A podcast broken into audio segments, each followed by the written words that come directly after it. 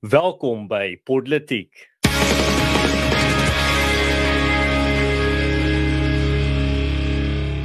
Goeiemiddag, my naam is Ferrik van Dijk. Saam met die ateljee is Paul Marits, Reinier Dievenage en Ernst van Sail. En in vandag se episode, Mashaba herbedink, gratis ministerwater gedrink en die bytel vir Mink.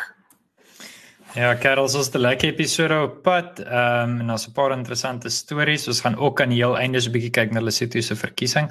Ehm um, my eh, my poging tot internasionale nuus alhoewel 'n provinsie wat 'n vierde van die Vrystaat se grootte is, maar vir 'n land. Ons sal 'n bietjie daarna kyk later. Vir nou kom ons kom by ietsie meer ernstig miskien en dit is meneer Herman Mashaba. Rainer, jy het so 'n bietjie gaan loer wat daar aangaan. Hmm. Ja, 'n aantal interessante dinge wat hierdie week gebeur het uh, in die Suid-Afrikaanse koalisiepolitiek waar ek sal dit noem die ontleikende koalisiepolitiek wat ons nou sien in van die metro's in Suid-Afrika. Nou Herman Mashaba leier van Action SA het uh, dis is nou in die nuus gewees onlangs dat hy beweringe ontken het dat sy politieke dat hy sy politieke party sou verlaat na aanleiding van uitsprake wat hy op die Clement uh, Manyathela program op 702 gemaak het toe hy gevra is oor moontlike koalisies met die ANC in metros.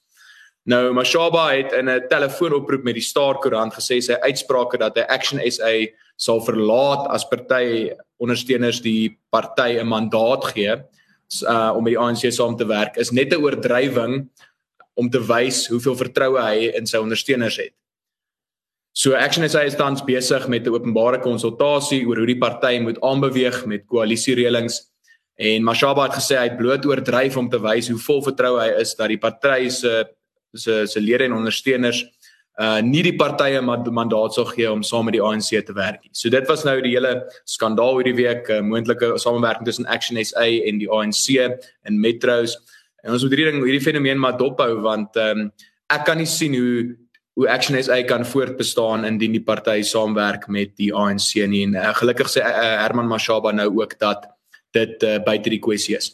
Nou ook en ander sê Action sê dit gaan 'n kriminele saak teen die DA open en dit beweer die uh, die, party ehm bewe, um, beweer die party dat 'n vergadering met een van sy raadslede gehou is deur die DA om hom te ooreed om die van party te verander en 'n leemte te vul wat deur Zwakele en Kangwano gelaat is.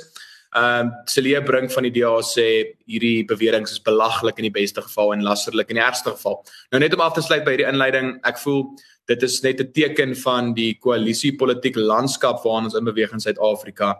En as ons gedink het dit gaan eenvoudig wees, dan ehm uh die mense wat so gedink het, uh, dit dit sou 'n bietjie naïef gewees het want ons begin nou sien watter probleme ehm um, watter probleme daar is uh, in verband met koalisiepolitiek in Suid-Afrika. Ja, dankie Rainer. Ek ek dink is baie interessant en is natuurlik ietsie waarna ons nie gewoond is nie. Suid-Afrika het eintlik die laaste keer regtig 'n koalisie gehad voor die Tweede Wêreldoorlog. Ehm um, so dit dis dis nie 'n ding wat ons ken nie, is nie 'n ding wat ons 'n tradisie vooruit nie en dis 'n ding wat by verre die meeste mense in ons land nie kan onthou nie.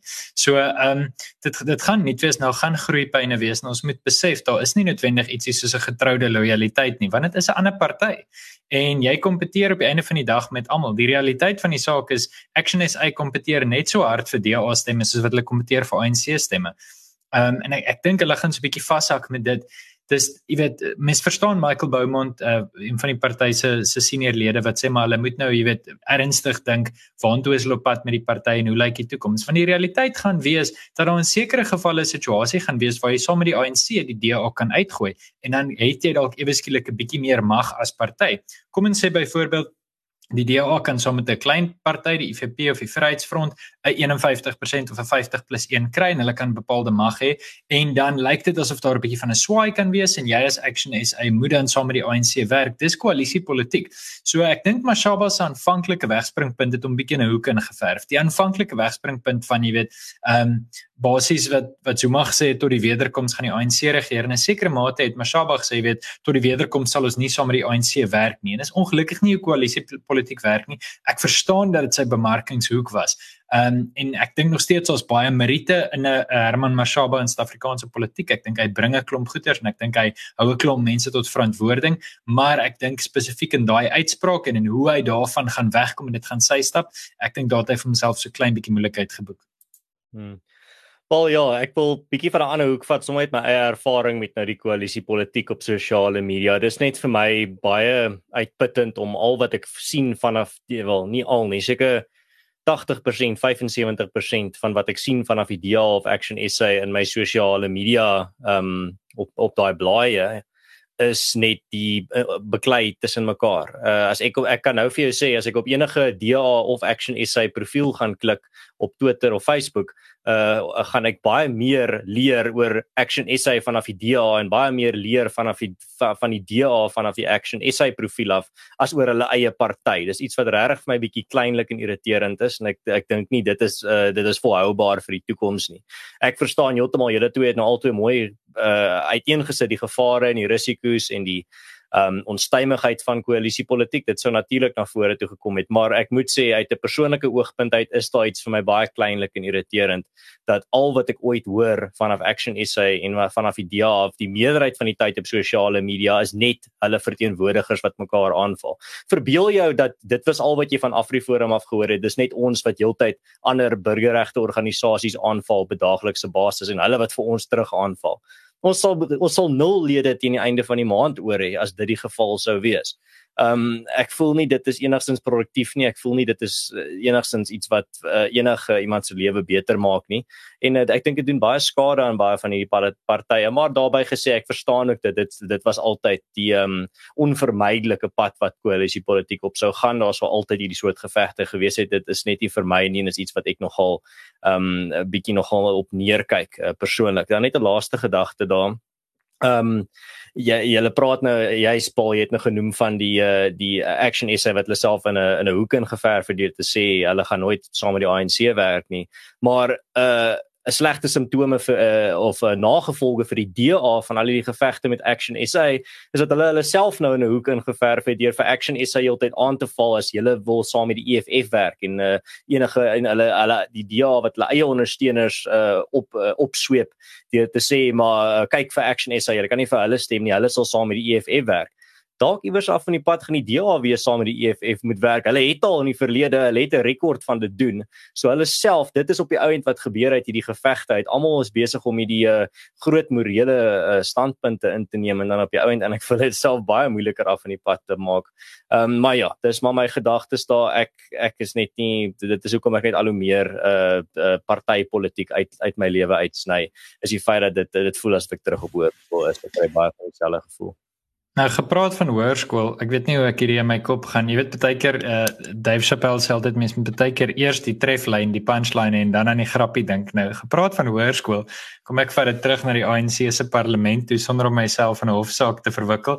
Erns, wil jy ons vertel van ministers wat gratis water en elektrisiteit het? Ek is so bang Fred wat al klaar die hele wêreld met dagvaar, moet nou nog mense, weet my verdedig in een of ander hof. So uh, vertel ons gerus, uh, wat, wat gaan aan hierdie week met die ministers wat nie betaal vir water nie of blykbaar. Ja. So uh en hierso is ons het nou weer van die hierso is eintlik iets wat die DA iets goed doen wat uh, en hierdie is wat ek meer van hulle af sou wil sien en van ander partye af ook. Hulle is 'n groot rolspeler in hierdie storie. Um so terwyl die regering vure doodslaan oor ministers en adjunkministers wat nie eens self vir kragrekeninge by hulle amptswonings hoef te te dok nie, hoef op te dok nie, eis die DA dat die ministeriële handboek waarin hierdie voordele vervat word heeltemal geskraap word. En ek weet Rainer het ook uh, afgelope tyd baie navorsing oor daai gedoen en hy sal meer daaroor vir julle kan vertel. So uh, ingevolge die wysigings aan die handboek word ministers en adjunkministers toegelaat om 'n onbeperkte bedrag waarvoor belastingbetalers opdok vir hul water en ligte rekeninge te gebruik. Dit ten spyte van al reeds ruim voordele. Dit gesamentlik met wat ons nou ook uh, al weet, is dat hulle huishoudings uh, nie enigsins deur beurtkrag geraak word nie, want soos die regering hulle self verdedig het hierdie week, moet hierdie ministers 24 uur per dag um, beskikbaar wees vir hulle baie belangrike werk en soos ons almal weet is hulle sit hulle net by die foon daai ministers en as daar enigsins iets fout in die land is dan is hulle dadelik by hulle foon optel reg om daai probleem op te los dis mos nou die Suid-Afrika wat ons ken. Ehm um, so ja, dit is 'n baie ehm um, frustrerende situasie. Ek ek ek is eintlik nogal bietjie uh, ek moenie wees nie, maar ek is nog steeds by die jaar net geskok deur die arrogansie van hierdie regering en hoe dit net sy eie ehm um, sy eie oorbodigheid net uh verdedig en uh, sy eie ehm um, sy eie uh, uh voordele en bevoordiging wat hy vir homself gee net uh verdedig sonder om enigstens enige selfbewussyn daaroor te hê. Uh, maar ja, ek sal graag ook uh, wil hoor wat julle bietjie het uh, om te sê oor hierdie en ek weet ook spesifiek Ehm um, Rainer het nog al 'n groot hoeveelheid navorsing hieroor gedoen, so hy ek weet jy is gaan ook 'n groot uh, bron van inligting hier wees Rainer. Ja, Dankie Ernst. Ek wil net sê ek het eers hierdie navorsing bedoel, maar nou nou die DA ook so half van die kant af gekom met 'n met 'n veldtog. Hulle het my nou voor uh, voorgespring. Nou gaan dit lyk of ek hulle veldtog plagieer, maar jy weet dit was eintlik my idee gewees, my en Ernst se. Uh maar ja, nee, daar ek raai almal aan lede van die publiek om te gaan kyk na hierdie ministeriële handboek en watter voordele daar daar is. Jy weet die hulle daar jy weet dit is besigheidsklas vlugte vir die vir die ministers en adjunkministers en ook premiers. Dit is ehm um, wanneer ehm um, mense wanneer hulle oor see gaan dan verskriklik baie uitgawes wat gedek word. Daar word gesê hulle moet uh, gebruik maak van VIP uh, areas op internasionale lughawens uh vir omdat dit dit word aanbeveel omdat dit 'n veiligheidsrisiko is vir vir ons uh, parlementslede om nou iewers te sit in 'n gewone saal op 'n internasionale lughawe. So daar's verskriklik baie wel kom ons sê voordele wat wat ministers ontvang en dit is nou wat die DA ook um, na verwys en wat Afriforum ook en ek ek kan dit nou al sê ek, ek gaan nou binnekort 'n verslag vrystel waar ek ook hierdie hierdie inligting gaan weergee en en en dit gaan ontbloot en bloot lê vir die vir die publiek watter voordele die ministers um, almal geniet. Hulle word vrygestel van beerdkrag die ministers terwyl ons openbare hospitale nie eers vrygestel word van van beerdkrag nie. Dit wys net en ek het ander dag het ek dit uitgetweet in Engels te sê ek um, dit dit toon net my amper 'n um, dit amper distopiese vlakke van minagting wat die ANC vir sy vir sy eie uh wel vir die, vir die mense van die land het en sy eie kiesers het. So dit is om dit daar te laat. Ek kan nog baie lank aangaan hieroor, maar ek wil nou nie almal uh, verveel en uh, te lank aangaan hier oor uh, ja, dit, dit is maar sterend. Ja, ons is ons is lekker flink kerels. Ons ons draf hierdie punte. Dis dis vir my goed, maar ek dink 'n mens kan nie regtig verskil van uh, van dit wat julle ouens gesê het nie. Ek dink wat vir my net weer eens interessant is is ehm um, Hoe sien die ANC homself as 'n regering? Sien hy homself as hierdie tipe van vaderfiguur wat uh eerste eet en wat besluit wanneer jy die res sien hy homself as een van 'n magistraat, 'n magtige wetgewer. Ehm um, sien hy homself werklik as 'n 21ste eeu moderne staat want ek ek is bevrees en en dit is nie ek wat net die lysie van beledigings teen die ANC wil verleng nie.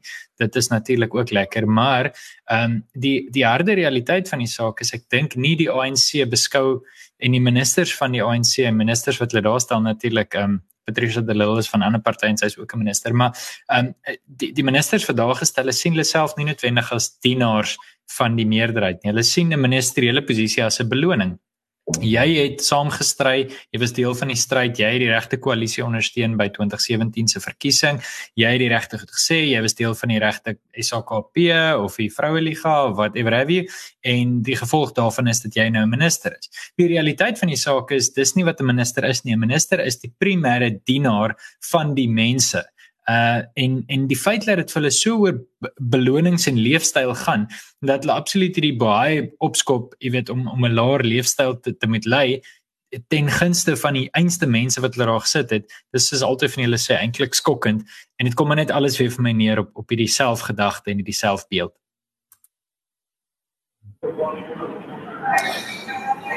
Ja, ek het nie veel om by te voeg nie behalwe vir die feit dat dit natuurlik uh totaal skokkend is ook gegee dat die ANC duidelik nie 'n party is wat baie sterk staan wat die oppergesag van die reg betref. En ek ekskuus, ek verskoon die geraas agter my. Ek sit hier in die openbaar. Ehm um, ek het 'n bietjie rond jaar hier in Johannesburg vandag. Maar Frederik maar, is baie geen... toegewy tot politiek. Dis hoekom hy die ekstra kilometer stap om hier te wees. En uh in elk geval ehm um, daar's geen wetgewing en dit is iets wat die DA ook spesifiek opgehamer het ehm um, wat die ministeriële handboek magtig en so daar's 'n groot konstitusionele element en wetgewende element hier ook wat 'n groot probleem kan wees. Ehm um, so ek sien al hoe dit uitgedaag gaan word waarskynlik deur uh, een of ander drukgroep, miskien af en voor, miskien die DA, ek dink die DA as ek nou reg verstaan is reeds op stoom. Hulle gaan dit uitdaag. Ehm um, die feit van die saak is as hulle nie magtigende wetgewing is, die dan is hierdie 'n uh, baie en ons die ANC het 'n rekord daarvan um, dan is hierdie miskien 'n potensiële bron van korrupsie. Dis 'n manier hoe hulle waarskynlik hulle hulle hulle um, hulle uh, wankelende party kan befonds. Ons weet reeds onder hoeveel finansiële druk die ANC is. So gate waar die waar waar die staatskas kan leegloop en gunste van ANC van die ANC moet so gou as moontlik toegestop word. En ehm um, ja, ons sal maar sien of dit wel die geval sal wees. Ja, uh dit is nogal iets wat ehm um, wat my laat dink aan daai gesegde van uh Smits en Gonyama wat gesê het uh, I didn't struggle to be poor.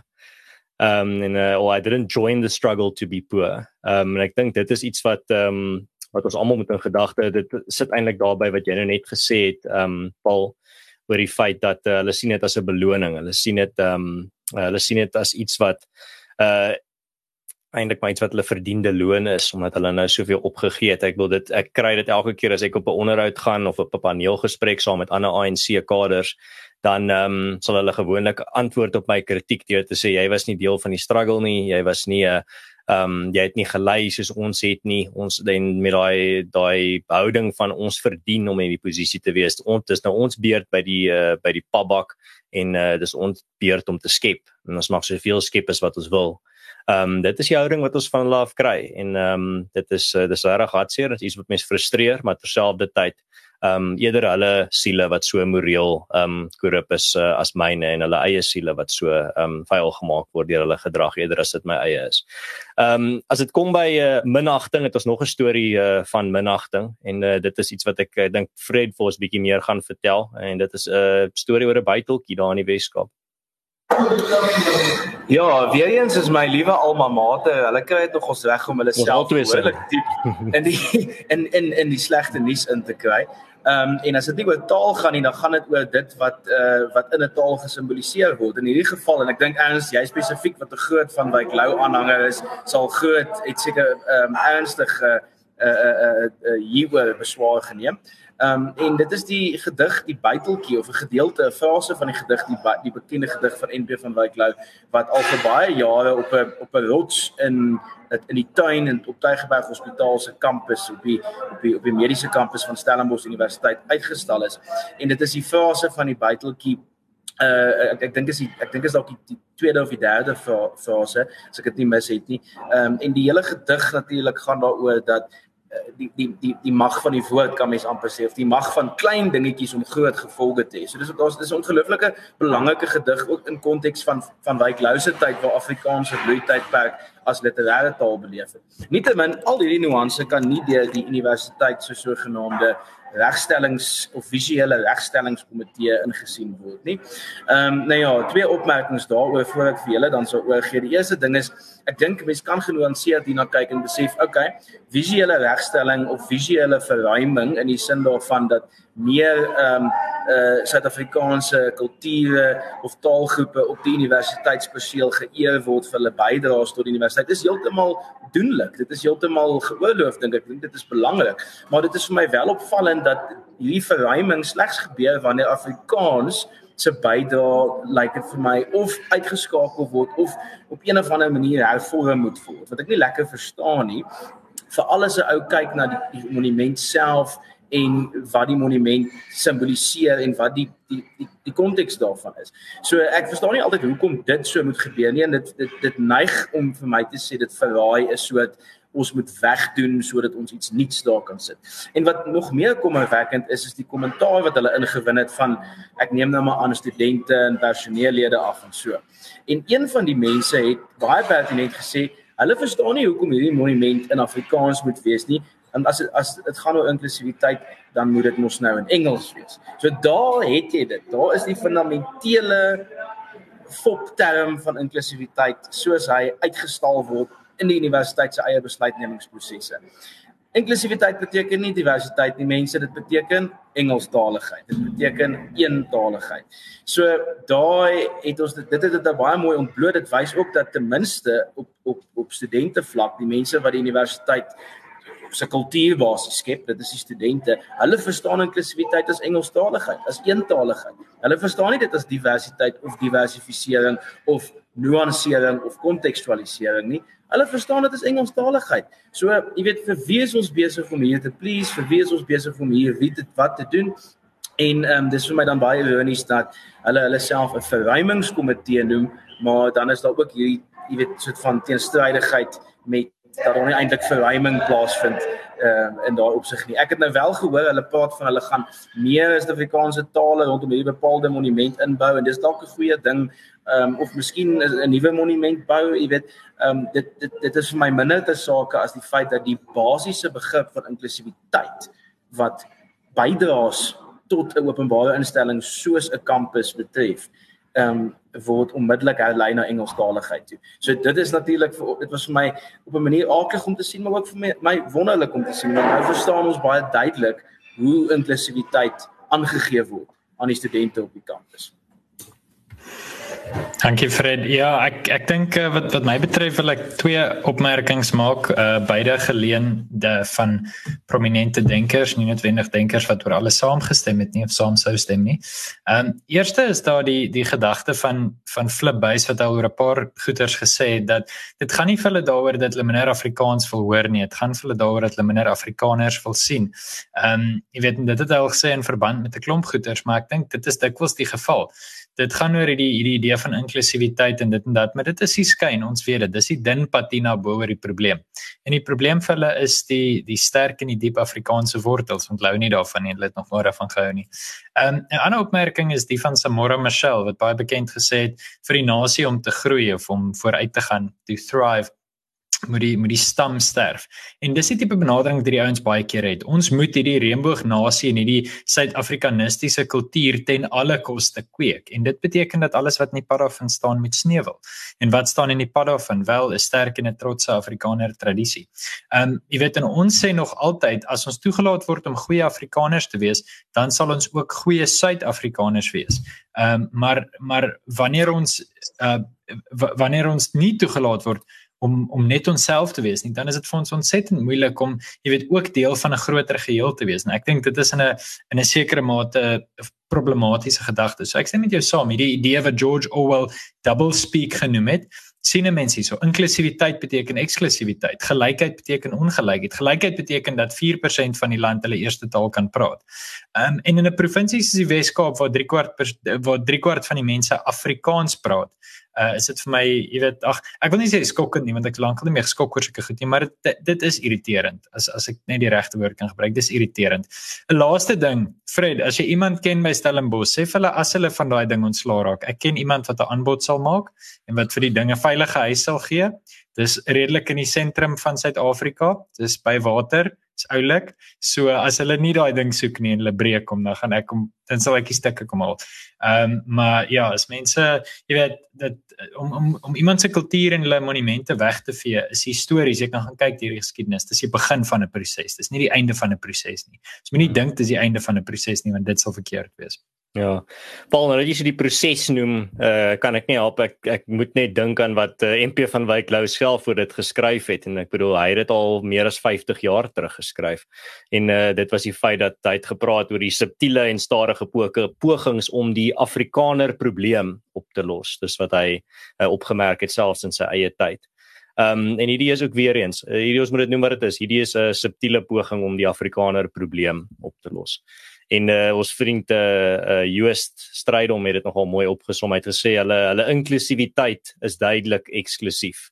Ehm um, en dit is wat ons hierso sien. Ehm um, dit gaan nie oor as as dit oor gegaan het om verteenwoordigend te wees van die ander kulture van hierdie land sou hulle net nog 'n monument gebou het aan die ander kant van die straat in dieselfde buurt op dieselfde perseel. Hulle sou iewers anders nog 'n monument gebou het, maar dit gaan nie daaroor nie net soos met die Afsit Af net soos met die Afrikaanse taalmonument, gaan dit nie oor om 'n nuwe monument te bou nie. Dit gaan oor om iets wat bestaan wat klaar bestaan af te breek, te vernietig, weg te neem van ander mense af.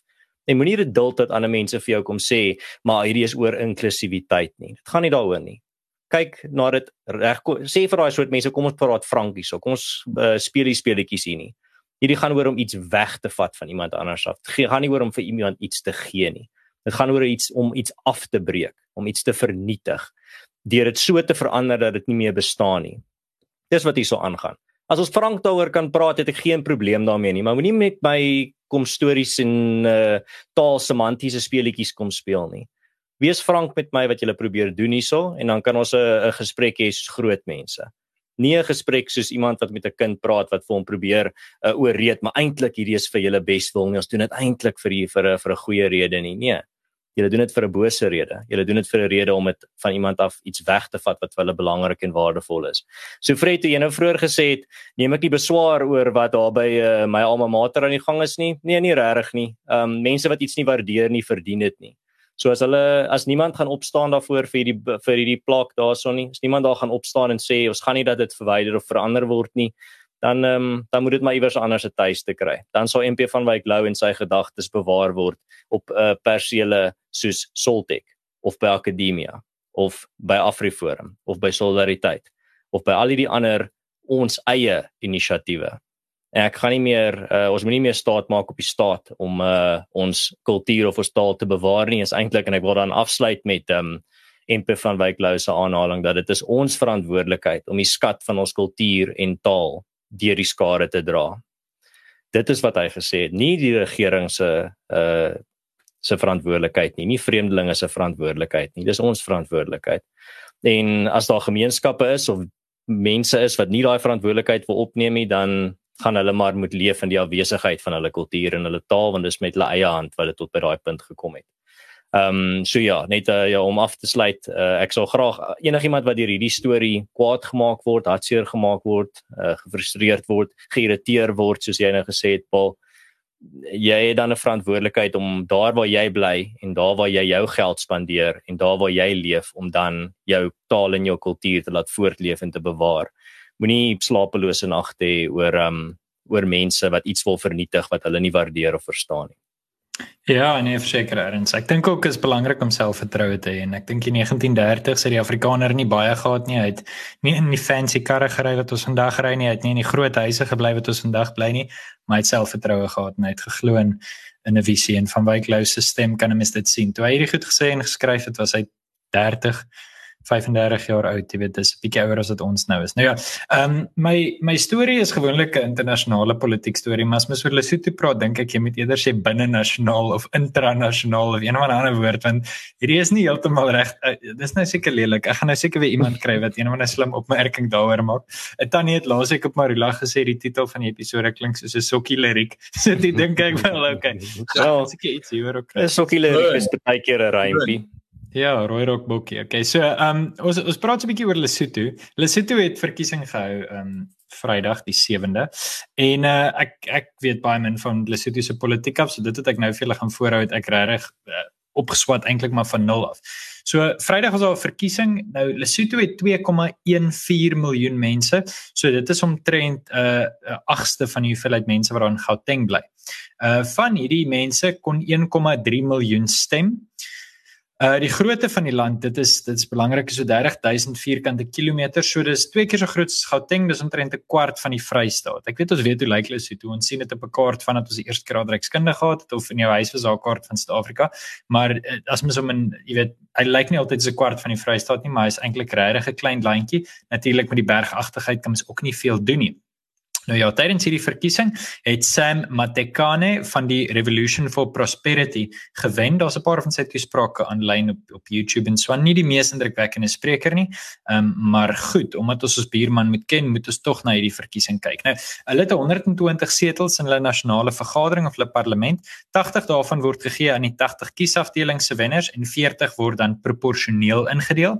En ehm um, hierdie RFP het 56 van die setels verower van die 120. So ehm um, meneer Matekane het nie 'n absolute meerderheid soos wat ons sou sê nie. Hy het nie 60 plus 1 nie. Dit beteken hy moet saam met ander partye in koalisie regeer. En dit was ons het nou-nou so 'n bietjie oor koalisie regering gepraat. Dit was in die vorige verkiesings die probleem en baie soos wat Johannesburg die laaste paar jare geneig het om burgemeesters weg te stuur en en so aan, is dit maar Lesotho ook aan die gang gewees. In die laaste 10 jaar het nie in premier 'n 5 jaar termyn klaargemaak nie. Nou ja, wat dan ook uh, belangrik is is die voormalige adjunk uh, eerste minister se party was tweede, dit is die Democratic Congress en hulle het 29 van die 120 setels verower. Hulle sal dan sekerlik die amptelike oppositie wees siende dat Matekane saam met klein partye 'n regering sal skep. Laaste punt, die ABC of die All Basotho Convention, ehm um, wat die uitgaande party is, het net 8 van die 120 setels gewen, wat wys dat die die land nie regtig met hulle saamstem nie. Uh die primêre probleme wat aangespreek word is goed soos paaie um, en goed soos 'n sterker ekonomie. Uh ek ek sal graag hoor wat julle daaroor te sê het. Wat my betref dink ek dit is goed om goeie bande met Lesotho te hê. Ek respekteer hulle eie soewereiniteit en ek dink as Suid-Afrika toenemende federale model gaan hê, kan klein lande 'n rol speel. Ek gebruik 'n voorbeeld. Daar's in Duitsland 'n provinsie, Noord-Rhein-Westfalen, dis een van die grootste provinsies en hierdie provinsie is so groot dat hy met ander lande verhoudings het. Nou as ons op 'n punt kom waar die Vrystaat se regering effektief en sterk genoeg is, kan hulle dalk self bande bou met Lesotho of KwaZulu-Natal of Mpumalanga of waar dan ook al wil. Ehm um, maar dis 'n land wat belangrik is vir ons watersekuriteit. Hulle het pragtige geleenthede, wonderlike toerisme en ehm um, ja, hulle het 'n verkiesing gehou. So daar's my internasionale storie en ek hoor graag wat julle sê. Ja, Paul, ek het ook nou hierdie ding so bietjie gevolg en uh so toe bly vir my problematies want soos jy sê as jy na 'n federale bestel toe gaan dan moet Lesotho eintlik meer suksesvol wees as Suid-Afrika maar ongelukkig as gevolg van die regerings daar oor die afgelope jare, dit gaan nie goed in Lesotho nie. Ons weet hulle het ook van die hoogste eie uh HIV infeksiekoerse ter wêreld. Dit is regtig ek het ek het ander dag verstom toe ek lees is omtrent amper 'n kwart van die bevolking daar wat HIV positief is. Nou hierdie sê Matekane Ek weet bitter min van hom. Ek ek het maar soos ons almal dink ek eh, die op die Wikipedia gegaan om gesoek en daar's net so 3 of 4 sinne oor hom. So ek kan werklik dit is my dit is soos asof dit agter 'n gordyn is daai politiek. Ek kan nie vir jou sê wat daar aangaan nie. Ek kan nie vir jou sê wat sy karakter is nie. Maar die Sutu die Sutu kombersie gordyn. ja, ja, dis aan die berge. Dis is 'n Thomas Mann se Zauberberg. Jy weet daar waar in Lesotho waar daar aan die berge gebeur. Ons almal is onbewus van wat daar aangaan. Maar uh, ja, kom ons hoop. Ek ek ek ek hoop regtig van harte dat dat hy 'n positiewe verskil gaan maak dit mag dalk eh, iemand mag dalk hierdie later aanhaal en sê ek het gehoop uh, hy gaan goed wees wanneer hy glad nie is nie. Maar uh, ja, kom ons sien wat wat gebeur. Dit is darem 'n vorm van verandering daar en ek dink dis nodig in Lesotho. Ja, uh, sê nou ja, kort en kragtig. Uh baie dankie aan uh, my drie mede uh politikers. Uh dit is vir ons lekker om na na julle met julle julle almal te praat wat na ons luister. Verlede week se episode het ontsettend goed gedoen. Ons meer as 1000 kyk op YouTube gehad. So definitief laat ons episode aangestuur het. Ons waardeer dit opreg. Hou asseblief aan om dit te doen. Nou ja, soos die skyn van veeltaligheid uh Annelie Simonsberg is hierdie episode ook vir eers verby. As jy hou van wat ons doen, teken gerus in op Politiek. Dit beteken dat jy op ons YouTube kanaal inteken of jy kan ons volg op sosiale media. Uh, die ouens is baie besig op sosiale media, so jy kan bietjie kyk. Jy kan ook uh by ons Telegram kanaal aansluit. Ons het daar interessante dinge as dit meer jou sosiale media van keuse is en ontnonsens self. Daar waar jy deel van die gesprek is. Ons hoop dat dit wat ons hier gesê het, jou eie argumente en jou jou braaivleisvuur 'n bietjie meer vurig kan maak hierdie somer. Uh tot volgende keer en dan selfs ons volgende week weer verder. Totsiens.